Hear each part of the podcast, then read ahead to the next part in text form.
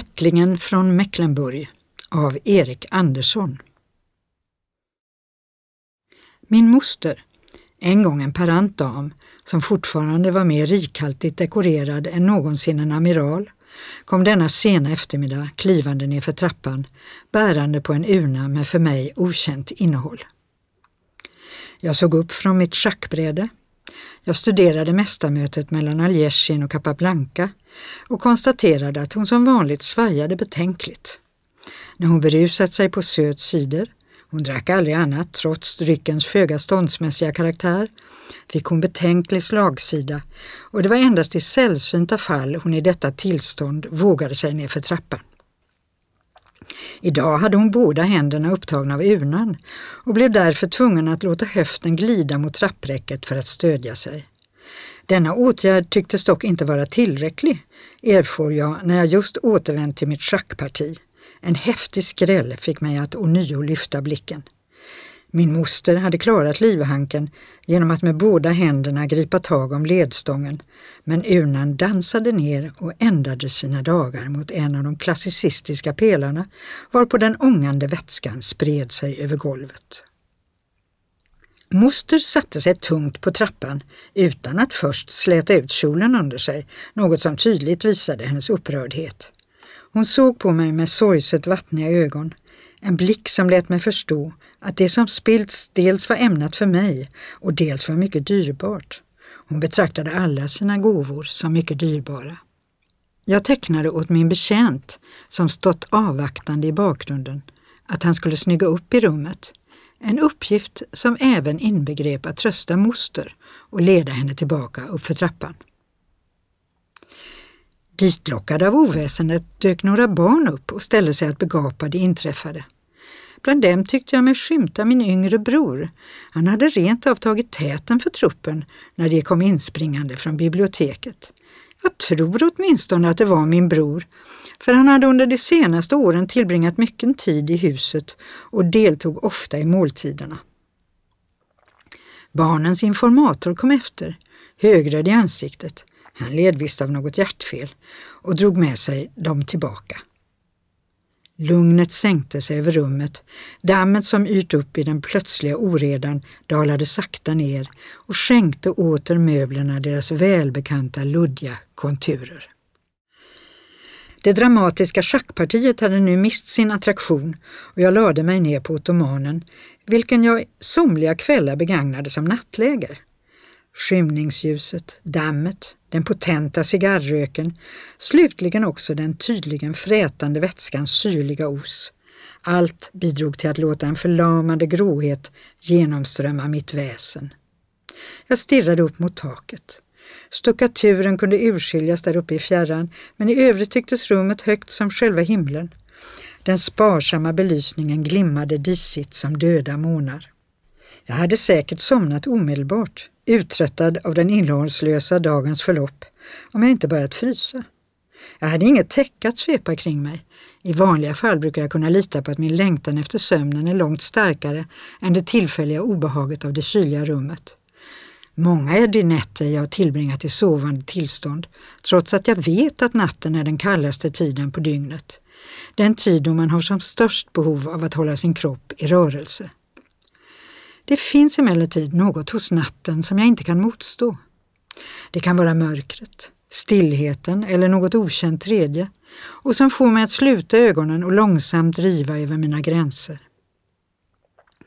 Vidunderliga landskap öppnas för min inre blick, nattliga nejder fyllda av negationer, en svävande frånvaro där många av vardagens ingredienser tycks vända i sina motsatser. Denna räddning syntes mig bortom räckhåll. Aldrig hade draget från de höga fönstren känts så kallt. Slutligen tvingades jag stiga upp, svepa rökrocken tätare intill mig och ställa mig i kakelugnens omedelbara närhet. Kakelugnen var isande kall. När jag la kinden emot den kändes det som om blodet skulle stelna i mina rosiga kinder. Man borde göra upp eld i den, tänkte jag och drog i det broderade bandet för att tillkalla min betjänt medan jag grubblade över om jag i väntan på att rummet blev uppvärmt skulle dricka ett glas varm mjölk, eller kanske ännu hellre en toddy, kom min betjänt in och meddelade att något var på tok med min syster. Efter en stunds diskussion när jag fått vissa uppgifter bekräftade erinrade jag mig att jag hade en syster. Hon bor i Västra Flygeln, intressant, sa jag och såg forskande på min betjänt. Bestämt hade jag vandrat dit för något år sedan för att vara hennes ena bröllopsvittne. Min betjänt nickade och tillade att han nyss funnit hennes rum tomt, vilket aldrig tidigare inträffat. Jag föreslog att hon kanske gått för att hjälpa min moster att laga te, som vi brukade kalla det, något som min betjänt dock inte ville tro.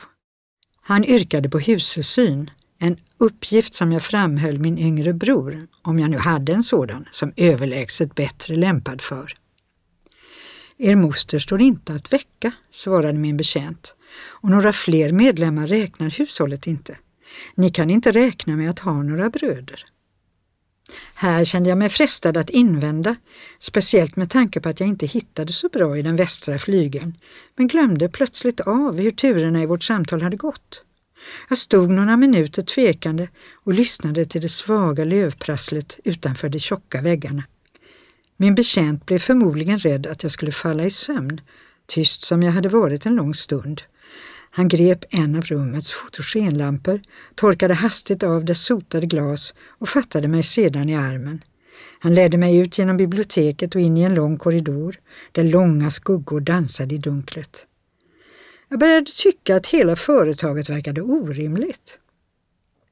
Det lockade mig föga att på måfå leta mig fram bland dessa fönsterlösa hallar och rum. Det enda vi hade att styra stegen efter var en dov och avlägsen knackning. Kanske härrörde ljudet från de stora trädens grenar, vilka ofta blev rov för vinden och slog mot fasaden, men det lät mera metalliskt och man anade en viljekraft bakom de jämna intervallerna.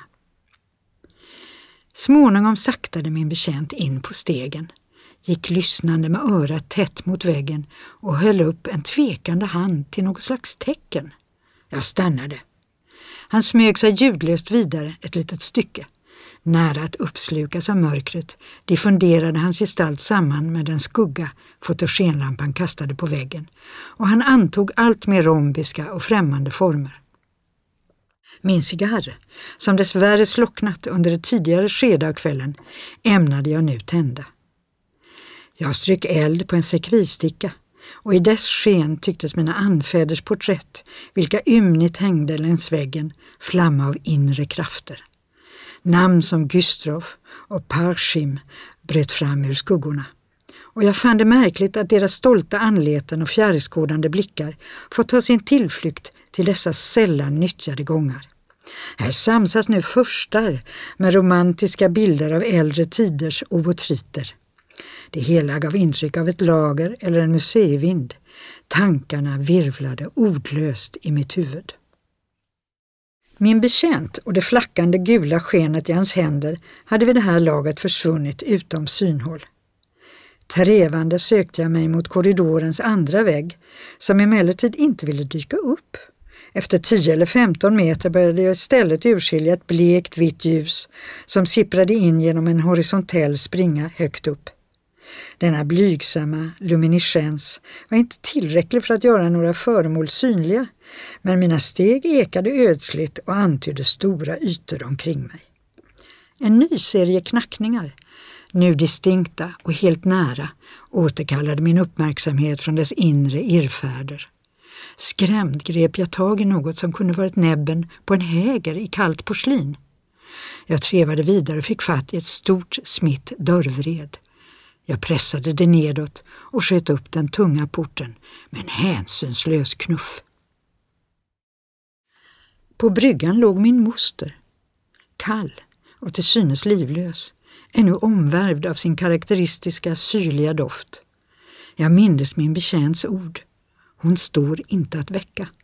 Och himlen rasade i ett flimrande hav av löv som blänkte när ljuset från slottets övre våningar träffade den. Fantomer löpte otåligt fram och åter och jagade vinden bland träden. Bortom den andra radens resliga ekar tog mörkret vid och härskade sedan oinskränkt.